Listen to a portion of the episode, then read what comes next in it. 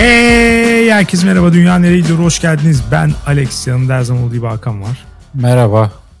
221. bölümümüzde sizlerleyiz. Bir önceki bölümümüzün konusu emlak piyasasıydı. Dünyayı kötüye götürüyor çıkmış %89'la. %11'lik bir e, emlak imparatoru ya da emlakçı kesimi. Konut baronu da diyebilir miyiz üstadım veya konut ya öyle, lobisi? Evet öyle olması lazım. Başka türlü bu durumdan memnun olmak çok zor. Ama onlara e, göz açtırmayacağız biliyorsun. evet onları ezeceğiz. Ama e, bu arada bu durum biz bir önceki bölümümüzü maalesef tamı tamına 3 hafta önce yapmıştık. E, bu durum 3 hafta öncekine göre çok daha kötüleşti. Evet, Ciddi tam, şekilde kötüleşti. Ya konuyu bıraktığımız yerden gündem patladı biz devam ediyoruz. Yine gündemi belirledik Alex. Evet. evet. Zaten ara vermemizin sebebi de yani bir an için bu gündem belirleme fonksiyonumuzu yitirdik mi diye düşünüyorduk. Moralimiz bozuktu. Hemen emlak piyasası dedik, bekledik. 3 hafta sonra konut paketi açıklandı ve döndük. Aynen öyle.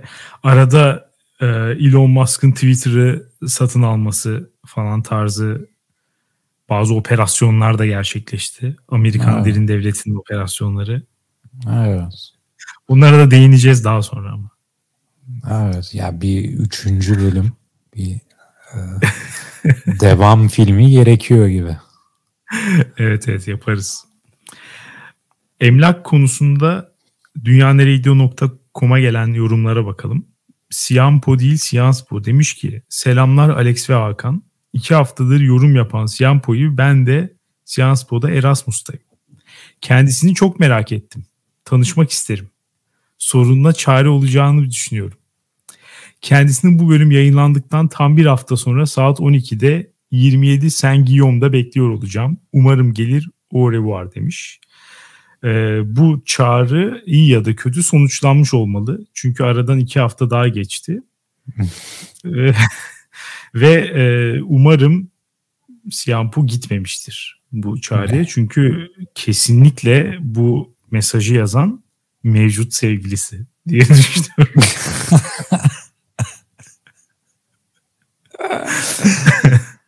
tuzak mı? Tuzak kokusu mu sezdin? Tuzak evet. Ben çünkü son mesajını hatırlıyorsun. Ben bunu yapmaktan vazgeçtim. Tekrar düşüneceğim. İlişkim devam edebilir mi falan gibi bir mesaj atmıştı. Bakalım ne kadar samimi bir samimiyet testine tabi tutuluyor. Ee, nasıl sonuçlandı bilmiyorum. Gitti mi? Sevgilisi Türkiye'den kalkıp oraya gitti. Bu tuzağı kurmuş olsa bence öyle oldu. Uf, muhteşem olurdu. Üst düzey. Üst düzey bir plan. en son Ezel dizisinde böyle planlar görüyoruz. Kendi halinde demiş ki selamlar sizi bir süredir dinleyememiştim. Bu bölümü yine çok beğendim. Kiralık ev arama olayı Antalya'da ev arayan benim için bir eziyete dönüşmüş durumda. Ukraynalıların da akın etmesiyle sadece yabancı ev veren uyanık ev sahipleri ülkenin insanı resmen bölgede istemiyor. İsteyenler de ufacık evlere tüm maaşımızı dökmemizi istiyor. Bir kira bedeli emlakçı komisyonu da cabası. İlan fotoğrafları ise dediğiniz kadar var. Hiç koymayıp iletişime geçelim WhatsApp'tan fotoları isteyin diyen mi ararsın? Mutfağın banyonun fotoğrafını eklemeyen mi ararsın? Şimdi bu ilki gerçekten yani insanı deli etmek üzere yapılmış bir şey. Yani orada bir web sitesi var. İlan konup fotoğrafları koyarak bizim içinden seçmemizi sağlamak üzere kurulmuş bir platform. Buraya fotoğrafları yüklemeyip bana sen telefondan mesaj at WhatsApp'tan göndereyim demenin gerekçesi ne olabilir? Yani bu kadar da insanların sinir uçlarıyla oynamayın ya. Linç mi edelim kardeşim emlakçıları ne istiyorsunuz? üzücü, üzücü. Ben de nedense sen bu yorumu okurken kafamda şeylere gitti aklım. Şimdi Ukraynalılar da geldi emlak ofisleri, emlak ofisleri yeni bir Erasmus parti mekanları olabilir mi? Acaba bunu yapanlar var mı? diye düşünüyordum. Dalmıştım ki yorumun sonuna geldin Alex. Ee, aslında sonuna gelmedim. Şöyle bir kısım da var. Son olarak bayana ve ucuza verilen ev arkadaşı oda ilanlarından da bıkmış durumdayım. %90'ı erkek ev sahibi. Bir ülkede barınmak bu kadar sorun olmamalı. Ya kesinlikle olmamalı. Öbür şeyleri ben de gördüm bu arada. Mesela 400 liraya falan bayan ev arkadaşı aranıyor. Tarzı ilanlar. Acaba var mıdır? Yani bu ilanların başarı oranı ne kadar olabilir? Yani ne umuyor bu insanlar bunları atarken? Ya Alex, Türkiye'de ben de aynı senin gibi düşünüyorum. Başarı oranı ne olabilir ki? Erkek şiddetinin bu kadar ön planda olduğu, erkek çakallığının bir miza unsuru olduğu bir ülkede. Evet. Ama Netflix'te e, Worst Roommate mi ne? Öyle bir belgesel serisini izledim. Ya Amerika'da bu tarz e, ev arkadaşı aranıyor ilanlarına başvurup da sonra işte eve çıkmasına izin verilen sonradan katil olduğu ortaya çıkan insanları görünce yani kesin bir miktar başarı oranı Türkiye'de de vardır diye düşünüyorum ya. ya ya aklım almıyor. Mesela Amerikalı eskiden orduda görev yapmış falan bir kadın ilan açıyor. Bir tane köpeğiyle e, baktığın an bu adamda bir gariplik var dediğin Koreli biri geliyor. Ve o da diyor ki aa tamam evet biz iyi uyuşabiliriz diyor. Beraber eve çıkıyorlar. Daha doğrusu evine alıyor bu adamı. Sonra adam öldürüyor bunu ya. Köpeğine yediriyor mu sonra? Yok köpeği köpeğine ne oluyordu? Bu adamın köpeği yoktu galiba. O diye başka bir hikayeydi galiba. ya orada biraz şey rahatlığı var gerçekten bence. Yani tehdit algısının düşük olması yani. Genelde güvenli bir yerde olmanın verdiği bir saflık, özgüven var. Türkiye'de bu tabii ki yok. Ee, ve bir de ilanlar da bunu hiç bu güveni vermiyor. Çünkü mesela normalde oda kirası diyelim ki 2000 TL olması gereken bir yerde 300 TL'lik ilan koymuş. Şimdi ya burada bir rahatsızlık yaratacak bir durum olacağı garantili. Yani senden normal bedeli istemediğine göre seninle ilgili başka planları var demektir. Böyle düşünmek durumundayız. Maalesef. Evet Pancake demiş ki selam Hakan'cım ve Alex'cim sonunda ses problemi çözülmüş elinize sağlık. Alex ev alıyormuşsun vay tebrik ediyorum ben seni paraları kumarda yediğini düşünüyordum demiş. Ee, almıyoruz yani böyle bir şey yok alamıyoruz yani. Neyse fotoğrafı kötü ilanları elediğini söylediğin için başından geçen bir olayı paylaşmak istedim. 4 sene önce eşimle İzmir'e taşınma kararı aldık. Arkadaşlarımızda kalırken yana yakıla kiralık ev arıyoruz. Ama o zaman bile zor. İkimiz de işsizdik zaten. Derken fiyatı baya baya uygun merkezi bir ev bulduk sahibinden de. Fotoğraflar o kadar kötü ki içi yıkılıyordur muhtemelen dedik. Mutfağın ve banyonun fotoğrafı yoktu bile ama o an bulunduğumuz yere çok yakındı. Gidip görelim aklımızda kalmasın dedik. Şansa emlakçı dünya tatlısı bir teyze çıktı. Meğer ev geçen yıl alınıp içi tamamen sıfırdan yapılmış. Mutfak ve banyo mükemmel, odalar ferah, komşular süper. Hiçbir sıkıntısı yok evin. Ev sahibi de isim vermeyeyim ama bayağı ünlü bir oyuncu. Teyze de akrabasıymış. İstanbul'da olduğu için ona vermiş tüm sorumluluğu. Neyse emlakçı bizi sevince ev sahibiyle konuşup bize kefil oldu. Düşük fiyatlı kirayı daha da düşürdü. Ve biz tam 4 yıl orada oturduk. Kira zammını bile biz belirledik. Orada otururken biriktirdiğimiz parayla bir köy evi alınca çıktık. Yoksa bir ömür çıkmazdı muhtemelen. Evden çıkarken eve bile bakmadan depozitoyu havale ettiler. DJ Moki kötü fotoğrafları olanları es geçme telefonla ara en azından demiş. Ben bu çift ile tanışmak istiyorum Alex gerçekten. Gerçi şu an samimi bir biçimde bunu ifade ediyorum. Kendileri lütfen eğer yazarlarsa ben görüşmek istiyorum. Lütfen konuk gelsinler. Veya gerçek hayatta da görüşebiliriz. Bir e, köy evi almışlar ya o yüzden çok merak içindeyim. O nasıl bir hayat? Acaba onlar da köy evi alıp taşınıp sonra ya bu olmaz, olmaz bu iş deyip geri şehre dönenlerden mi? Nasıl yaşıyorlar? Öyle. Oldukça da şanslı bir çift gibi gözüküyor. Yani bu devirde e, hem böyle bir ev sahibi bulmak çok zor. Bayağı iyi bir insan gibi gözüküyor. Hem de yani işte hiç berbat gözüken bir ev, fotoğrafları çok kötü falan arıyorsun. Bir bakıyorsun her şey yenilenmiş falan. Niye o zaman o öbür fotoğraflar kondu? ya uğraşmıyor tok satıcı. Yani ünlü evet. bir oyuncu diyor ya ev sahibi.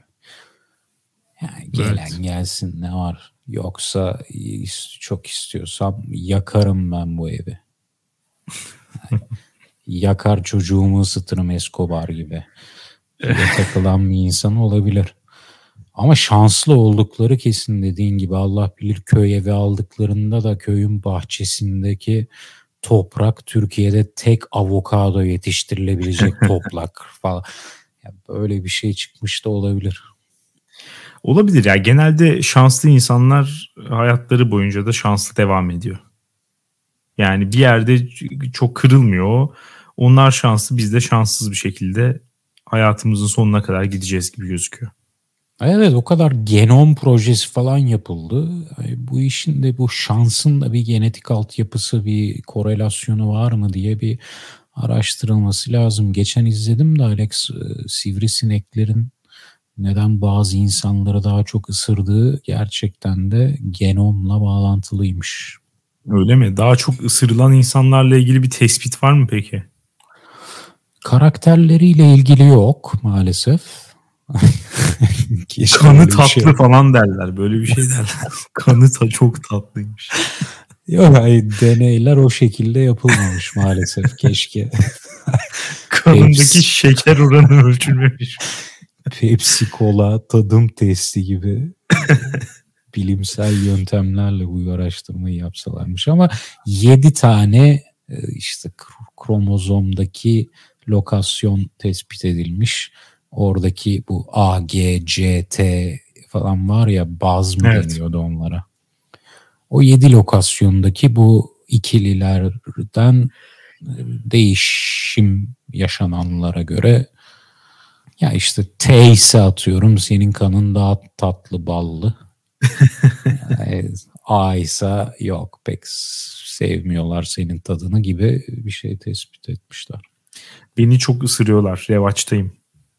Sivrisinekler arasında. Sen o zaman 7'de 7 kanı ballı, kanı tatlı. bir ara size ikram etmek isterim kanımdan. Bir tadım testi yapalım. evet. Dertli kiracı demiş ki selamlar ben de geçtiğimiz Şubat ayında taşındım. Açıkçası artık bu şehirde bana ev yok galiba dedikten sonra oldu. Gördüğümüz her evi aradığımızda sıradaki 66. kişisiniz. Onlar tutmazsa ararız gibi dönüşler alıyorduk. Bir akşam arkadaşımıza yemeğe giderken malum siteye girdim ve o an düşen ilanı görmemle eve gitmemiz bir oldu. Evi gördükten sonra çok vaktimiz olmadığını biliyorduk. Biz binadan çıkarken diğer adaylar bakmaya gelmişti. Arkadaşlarımıza ulaştığımızda hemen tutmalısınız diye bizi gazlamaların ardından o akşam evi tuttuk. Hafif dolandırılma hissi de verdi ama başardığımız için mutluyum. Ev arayan herkese kolaylıklar diliyorum ve bu emlak balonun patlamasıyla sikindirik evlerini 5000 TL'den kiralamaya çalışan ev sahiplerinin sürünmesini diliyorum. 5000 TL'ye hangi ev kiraları var?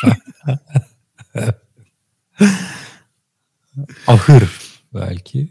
Evet artık yani hiç sonuç de. çıkmıyor artık. Mesela 5000 TL sıfır adet ilan bulundu diye çıkıyor sonuç. Malum sitede. Evet. bu şeye değinmek istiyorum. Hafif dolandırılma hissi de verdi diyor ya. Bu emlak piyasasına dair en önemli e, şeylerden bir tanesi de bu. Yani tam olarak ne aldığını bilmiyorsun. Bir oturmuş fiyat yok. Çünkü yani ancak raiç bedelleri hayal edebilirsin kafanda. Ama evlerin her biri e, biricik ürünler olduğu için tam olarak fiyatın ne olduğunu bilmen imkansız. Ya tabii yani, tamamen satıcı psikolojisi üzerinden evet. yürüyen bir piyasa. Aynen. Oradan bir dolandırılma hissi var ama onun dışında süreçler de çok dolandırılmaya açık. Yani emlakçı devreye giriyor mesela bir kapora sistemi hmm. var. Mesela adam alıp kaçabilir mi kaporayı? Ev sahibinden gerçekten yetkili mi? İşte tapuda bir sorun var mı? İşte evde bilmediğimiz bir problem var mı? Ucuzsa onunla ilgili bir şey. Adam yavaş davranıyorsa kafana ayrı bir kurt düşüyor. Hemen üstüne düşüp evi satmaya çalışıyorsa ayrıca bir kurt düşüyor falan. Yani gerçekten bu kadar zor bir şey olamaz. Çok zor. Böyle olmamalı. Haklısın dolandırılma hissi bu işin bir bu deneyimin bir parçası. Olmazsa olmazlarından bir tanesi galiba. Geçen gün televizyonda bir yorumcu e, güzel bir anlatım yapıyordu. Türkiye'de satıcıların, emlak satıcılarının satma tecrübesi yüksek ama alıcıların tecrübesi düşük. Yani çoğunluk hayatında e, max 1, 2, hadi bilemedin 3 kere ev alıyor. Evet. Ama satıcılar özellikle aradaki emlakçılar işin kurdu Kurt. olduğu için e, ya alıcı tarafında ya o yorumu getirdi aklıma bu benim. Alıcı tarafında bir dolandırılma hissin yaşanmaması çok zor. Evet bir de e, bazı emlakçılar mesela böyle sana yakın davranıyor. Olumlu mesajlar veriyor. Sempatik gözüküyor falan. Mesela o da bir taktik mi acaba? Ev sahibiyle iyi polis kötü polis mi yapıyorlar? Ee, yani her zaman akılda bir soru işareti. Hep aklımıza bir kurt düşüyor. Çok zor. Çok zor. Allah herkese kolaylık versin. Ev satmaya çalışanlar haricinde.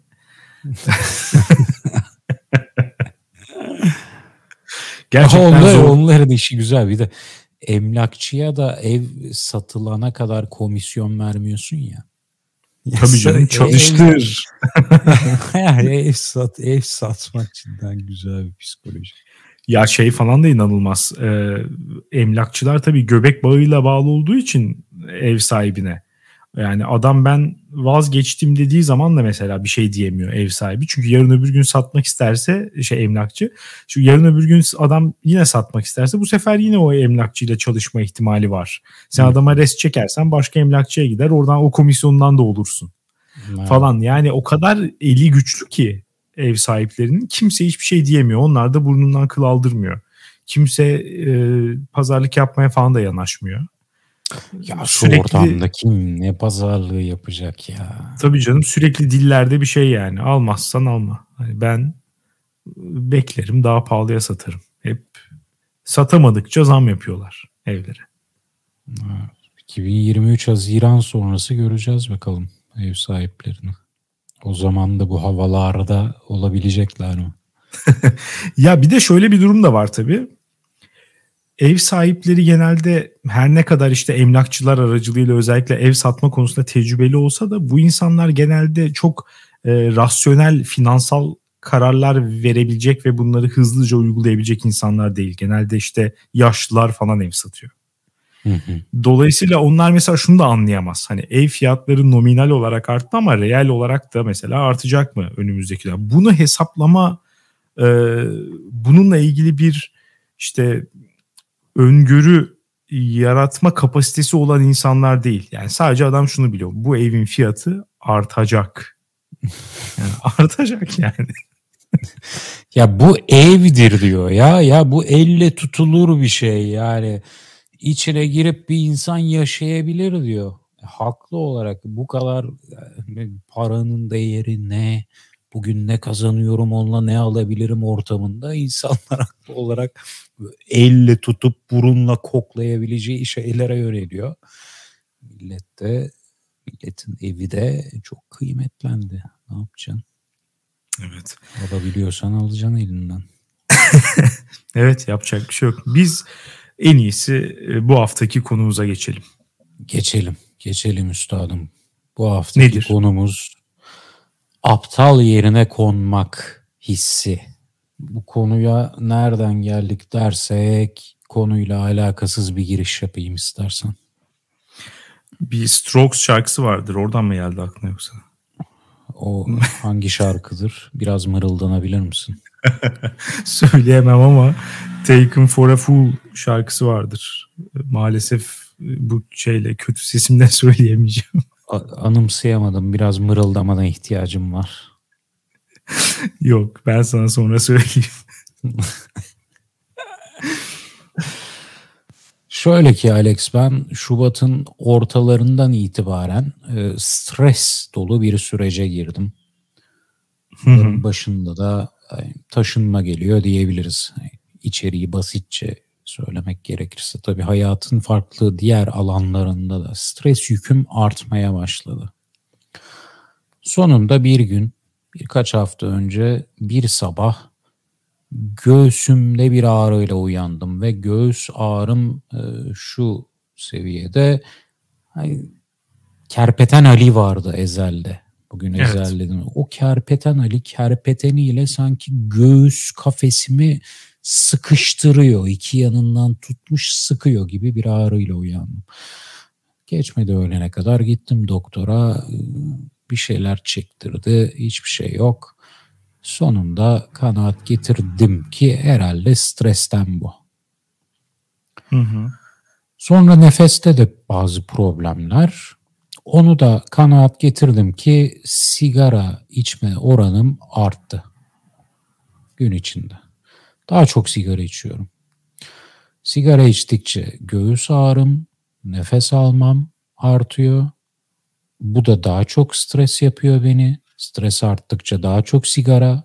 Yani böyle bir stres sigara, göğüs ağrısı, stres sigara diye bir döngüye girdim.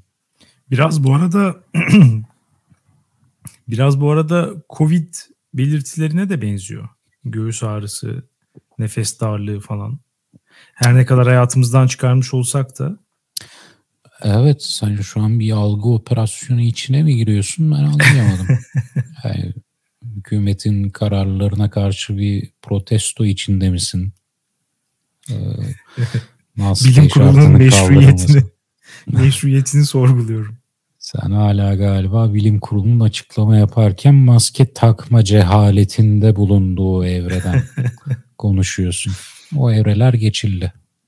Covid değildi herhalde çünkü doktor tomografi çekti. Bu arada tomografiyi de bana film olarak söylediler. Yani bir filminizi çekelim diye. Bir girdim odaya. Ben sanıyorum ki film deyince röntgen çekilecek. Bir tane evet. MR makinesi gibi bir şey. Dedim röntgenler böyle mi çekiliyor artık? Eğer değilmiş. Neyse çekti. Orada gözükürdü herhalde bir şey. Bir çıkmadı. Evet. Sonunda bu döngüden ben çıkış ararken dedim ki sigarayı azaltayım ama azaltamıyorum. Bari daha düşük. Light tırnak içinde. Light sigaraya geçeyim. Hı hı. Dün de light sigaralarla ilgili araştırma yapıyorum. Yani light sigara daha az zararlı mıdır falan gibi aramalar klasik çıkıyor ya internette. Bunları yazdığında ilk çıkan şey hayır. Böyle bir şey yoktur. Sigaraların her türlüsü eşit seviyede zararlıdır. Sonra biraz daha araştırayım yani içine gireyim. Hani bunun giriş gelişme sonuç paragraflarını okuyayım diyorsun. Ortaya çıkıyor ki light sigaralarda gerçekten de zifir, karbon monoksit oranları falan daha düşük. Ama bu insanların hayır eşit zarardadır demesinin sebebi araştırmışlar ki light sigara içenler kompanse edici davranışlarda bulunuyorlar. Evet. Aynı nikotini almak için daha çok sigara içiyorlar. Daha derin nefes çekiyorlar. Daha sık nefesler çekiyorlar sigaradan. Hı hı. Ve bu sebeple de aradaki fark bir şeye varmıyor. Yani kayda değer bir sağlık farkı yaratmıyor. Şimdi Alex sana soruyorum. Sen light sigara daha az zararlı mıdır diye bir internete sorgu arattığında senin almak istediğin cevap bu mu? Yani insan psikolojisiyle açıklayan bir cevap mı? Ya bunun içinde daha az karbon monoksit, daha az zifir olduğu belli. Ben aynı ağır sigarayı aynı seviyede içersem, bunu da aynı şekilde içersem, diğer bütün koşullar sabit kaldığında daha az zarar vereceğim vücuduma açık. O zaman neden ilk cümleye hayır bu bir tamamen pazarlama taktiğidir diye giriyorsun. Niye beni aptal yerine koyuyorsun? Bu araştırmayı yaparken aptal yerine konduğumu hissettim. Bu da sinirlerim bozdu. Bu da benim uzun girişimdi Alex. Kusura bakma. Yo güzel oldu. Gerçekten hak veriyorum sana. Yani bu tarz bir aldatmacaya gerek yok. Ee, bizleri ikna etmek için. Yani başlık bu olmamalı. Başlık belki ya belki o nüans verilebilir yine. Hani o cümlenin içerisinde. Ee, hani şey diyebilir açık açık. Ee, bu sigaralar daha az zararlıdır fakat diye devam edebilirsin. Ya o zaman aynen. herkes olayı zaten anlamış olur. Yani sonradan bunu açıkla. Neden böyle olduğunu. ya en evet. başta sen şunu diyorsan hayır bu sigara üreticilerinin bir pazarlama taktiğidir. Senin bu cevabını okuyup aa detaylarda ne varmış? Hmm, kompanse edici davranışlarmış. Aslında insan psikolojisi üzerinden açıklıyorlarmış bunu falan diye baktığımda benim düşündüğüm şu. Sen de aynı o sigara üreticileri gibi bana bir pazarlama taktiği yapıyorsun. Tabii canım. Yani evet. Dolayısıyla ikiniz de bana pazarlama taktiği yapmayı bırakın. Hatta bırakın. daha bile fena olabilir onunki. Yani sonuçta sigara üreticileri sana o sigarayı verirken e, daha çok iç demiyor kardeşim. Bu light diyor yani zaten. Adam dediğini yapmış. Gerçekten de daha azını koymuş içine sen ondan daha fazla içmeyi tercih ediyorsan ya zaten bu bunun doğal sonucu. Ya bunu da bilmeyen artık hakikaten aptaldır. yani bir normal sigara yerine iki tane light sigara içip hala daha da hiçbir o zaman nasıl olsa light ben dört tane içeyim bir tane yerine diye düşünen biri varsa o aptal yerine konma değil yani gerçekten yerini hak eden bir insandır. Ya evet bu aptal yerine konma hissinde herhalde şöyle bir formalizasyon yapabiliriz sana bir şey söyleyen insanın sana bunu söylerken farklı bir motivasyonunun da olduğunu fark ettiğin an veya fark ettiğini düşündüğün an çok fena sinirleri bozuluyor ve aptal yerine konmuş hissediyorsun. Bu örnekte bu internete evet eşit derecede zararlıdır light ve ağır sigaralar diyen insanın motivasyonu şu belli ki insanlar, gençler özellikle bunun light olduğunu düşünüp bunun zararsız olduğunu düşünüp sigaraya başlamasınlar. Evet. Veya sigarayı bırakmayı düşünenler light'a geçtiklerinde daha az yani sigarayı bırakmak yerine light'a geçeyim diye düşünmesin. Ya tamam hmm. bunlar güzel amaçlar. Bunlar güzel motivasyonlar. Sonuna kadar da destekliyorum. Ama bunu yaparken sen de kitleni aptal yerine koyma. Şimdi bunu okuduktan sonra e, amaç hasıl olmayı bir kenara bırak. Yani benim bir sigara yakasım geldi.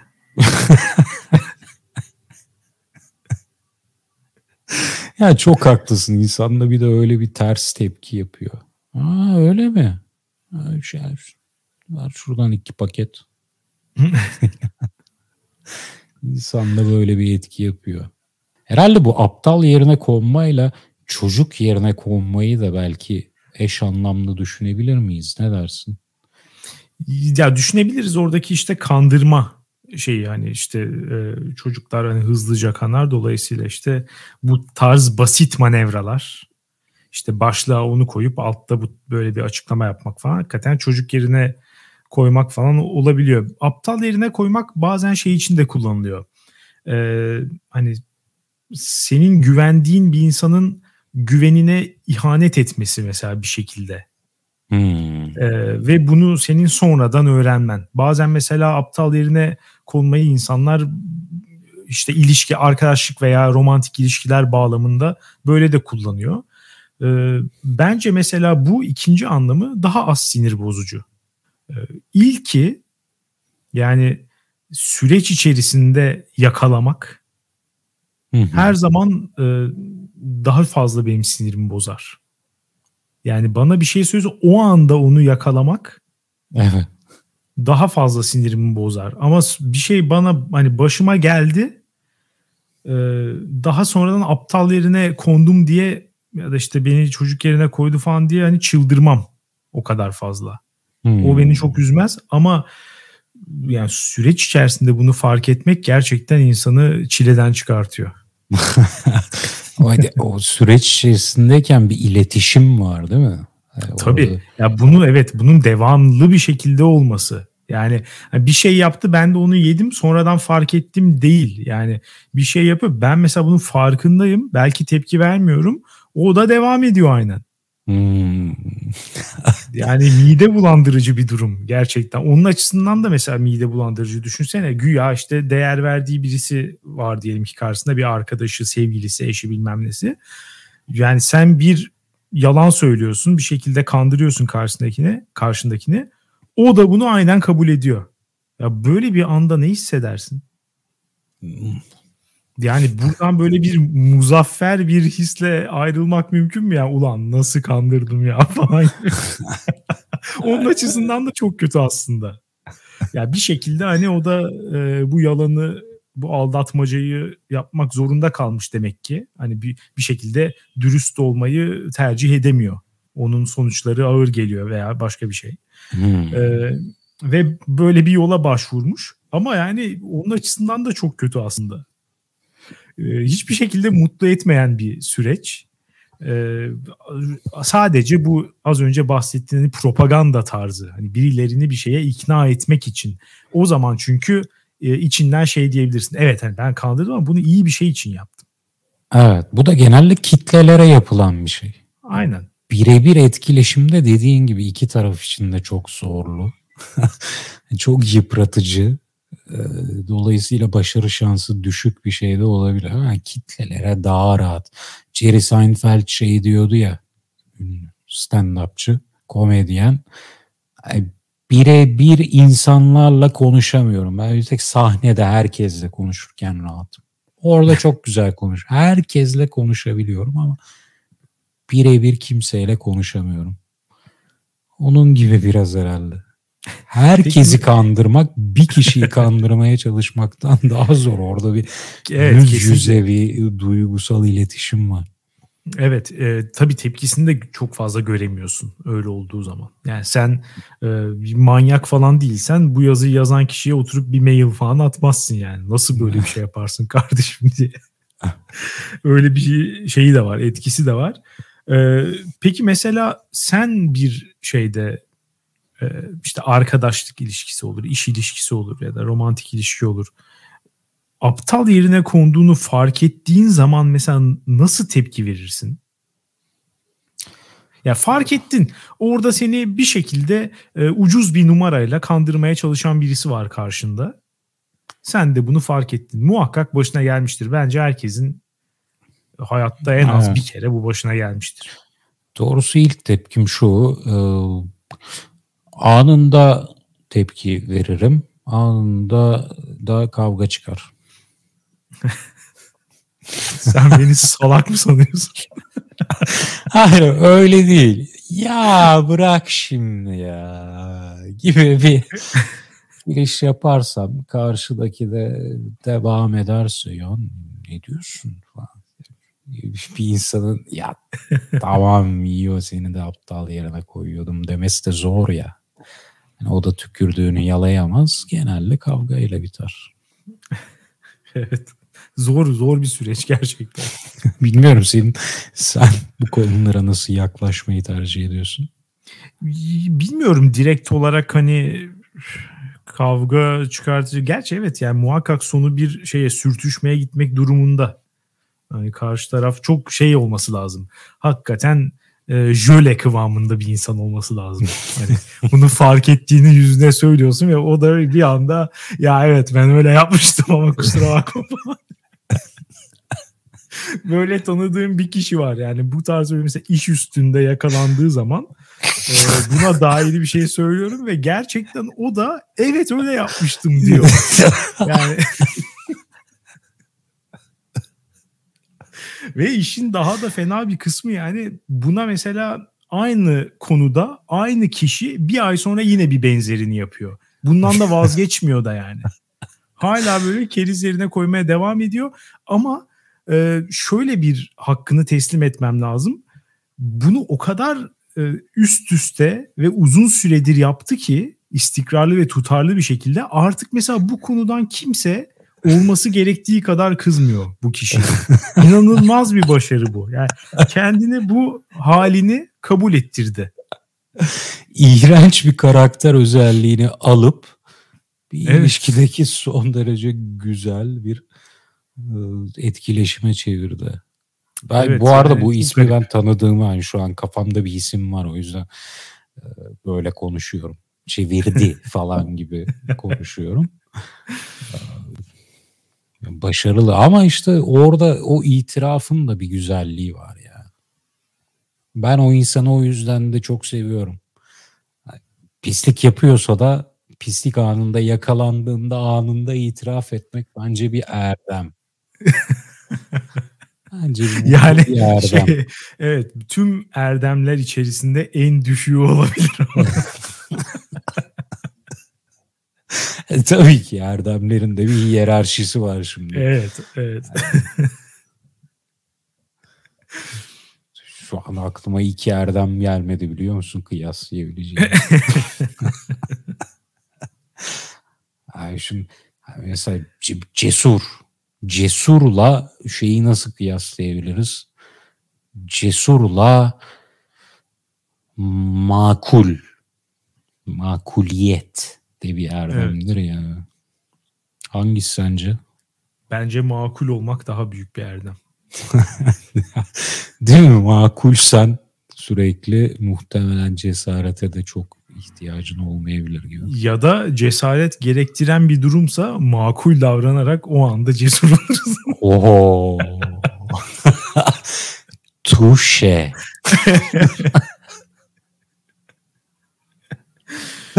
Ama makul olmak da bir cesaret değil midir Alex? Günümüzde değil midir? Özellikle de bugün. ya şeylere ne diyorsun? Ee, bazen mesela şöyle ilişkiler görüyorum etrafta. İşte bir çeşit istismarvari bir ilişki devam ediyor bir süre. Buna dair çok çeşitli ve güçlü sinyaller var ama ilişki aynen devam ediyor. Bir yerde bitiyor. Bittikten sonra işte ilişkinin kandırılan, istismar edilen tarafı da diyor ki işte meğer nasıl aptal yerine konmuşum. Şimdi böyle insanlara karşı nasıl bir tepkin var? Yani tabii ki e, bu kişilere üzülüyorum, merhamet ediyorum falan. Ama günün sonunda şunu da düşünmeden edemiyorum. Ya ulan bu çok belliydi. Ve e, ya bir şekilde bunu görmemeyi seçtin. Ve ya, ya da gö, görsen de bundan dolayı ilişkini bozmamayı seçtin. Dolayısıyla aslında aptal yerine konmuş sayılmazsın yani. Burada bilinçli sayılabilecek bir seçim var. Evet. Yani sen bunu içten içe fark etmiş, sezmiş bir e, şekilde bu şartlarda bu ilişkiyi devam etmeyi seçti. Her gün bunu seçiyorsun aslında. Bitirebilirsin çünkü yani. Hı hı.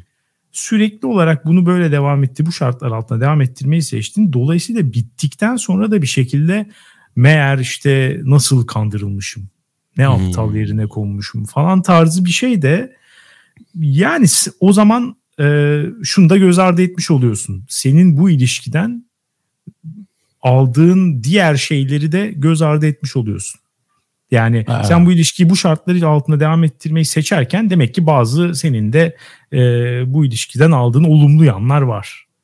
Ki devam etmişsin. Hiç değilse yani işte yalnız ya bu, olmamak falan bu kişiye yakın bu, olmak falan tarzı şeyler var. Evet, o kesin bu arada. Şu konuda sana çok katılıyorum. Duyguların bir rasyonelitesi var. Dolayısıyla o insan belli bir istismar olmasına rağmen o ilişkiye devam ediyorsa alttan alta onun duyguları da kendi bilincinde olmasa bile bir rasyonelite üretmiştir. Dediğin gibi bazı aldığı şeyler de vardır o ilişkiden. Bir şekilde devam etmiştir. Sonradan o ne aptal yerine konmuşum be çıkışı muhtemelen o geçmişten kopmak için bir strateji o da muhtemelen. Aynen. Duyguların bir rasyonelitesi. O anki duygularının rasyonelitesi. Aynı sigarayı bırakanlar gibi. Sigarayı bırakanlardan 100 kişiden anca biri diyordur ki of ne keyifti be. Şu anda da hiçbir zararı olmadan bir tane yakmak isterdim. Yani 100 kişiden biri diyordur bunu. Dünyada her şey var. Ama 99'u sigaradan tiksiniyor. Hiç aramıyorum falan diyor en kötü. ne aptalmışım diyor o da. Evet. Tiksinerek bırakabiliyor çünkü ancak. Tiksinmek bırakmak için iyi bir duygusal strateji. Evet. Bu insanlar da bunu kullanıyor muhtemelen. Farkında olsalar da olmasalar da. Dolayısıyla aptal yerine konma bir kez daha araçsallaştırılıyor. İster bizi kandırmaya çalışanlar tarafından, ister kendimizi kandırmaya çalışırken geçmişten kopmak için. Bu veciz sözlerle istersen veda edelim. Alex beklemek istediğim başka bir şey Kesinlikle abi, çok güzel bir şey oldu. Yüksek bir noktada bitirdik.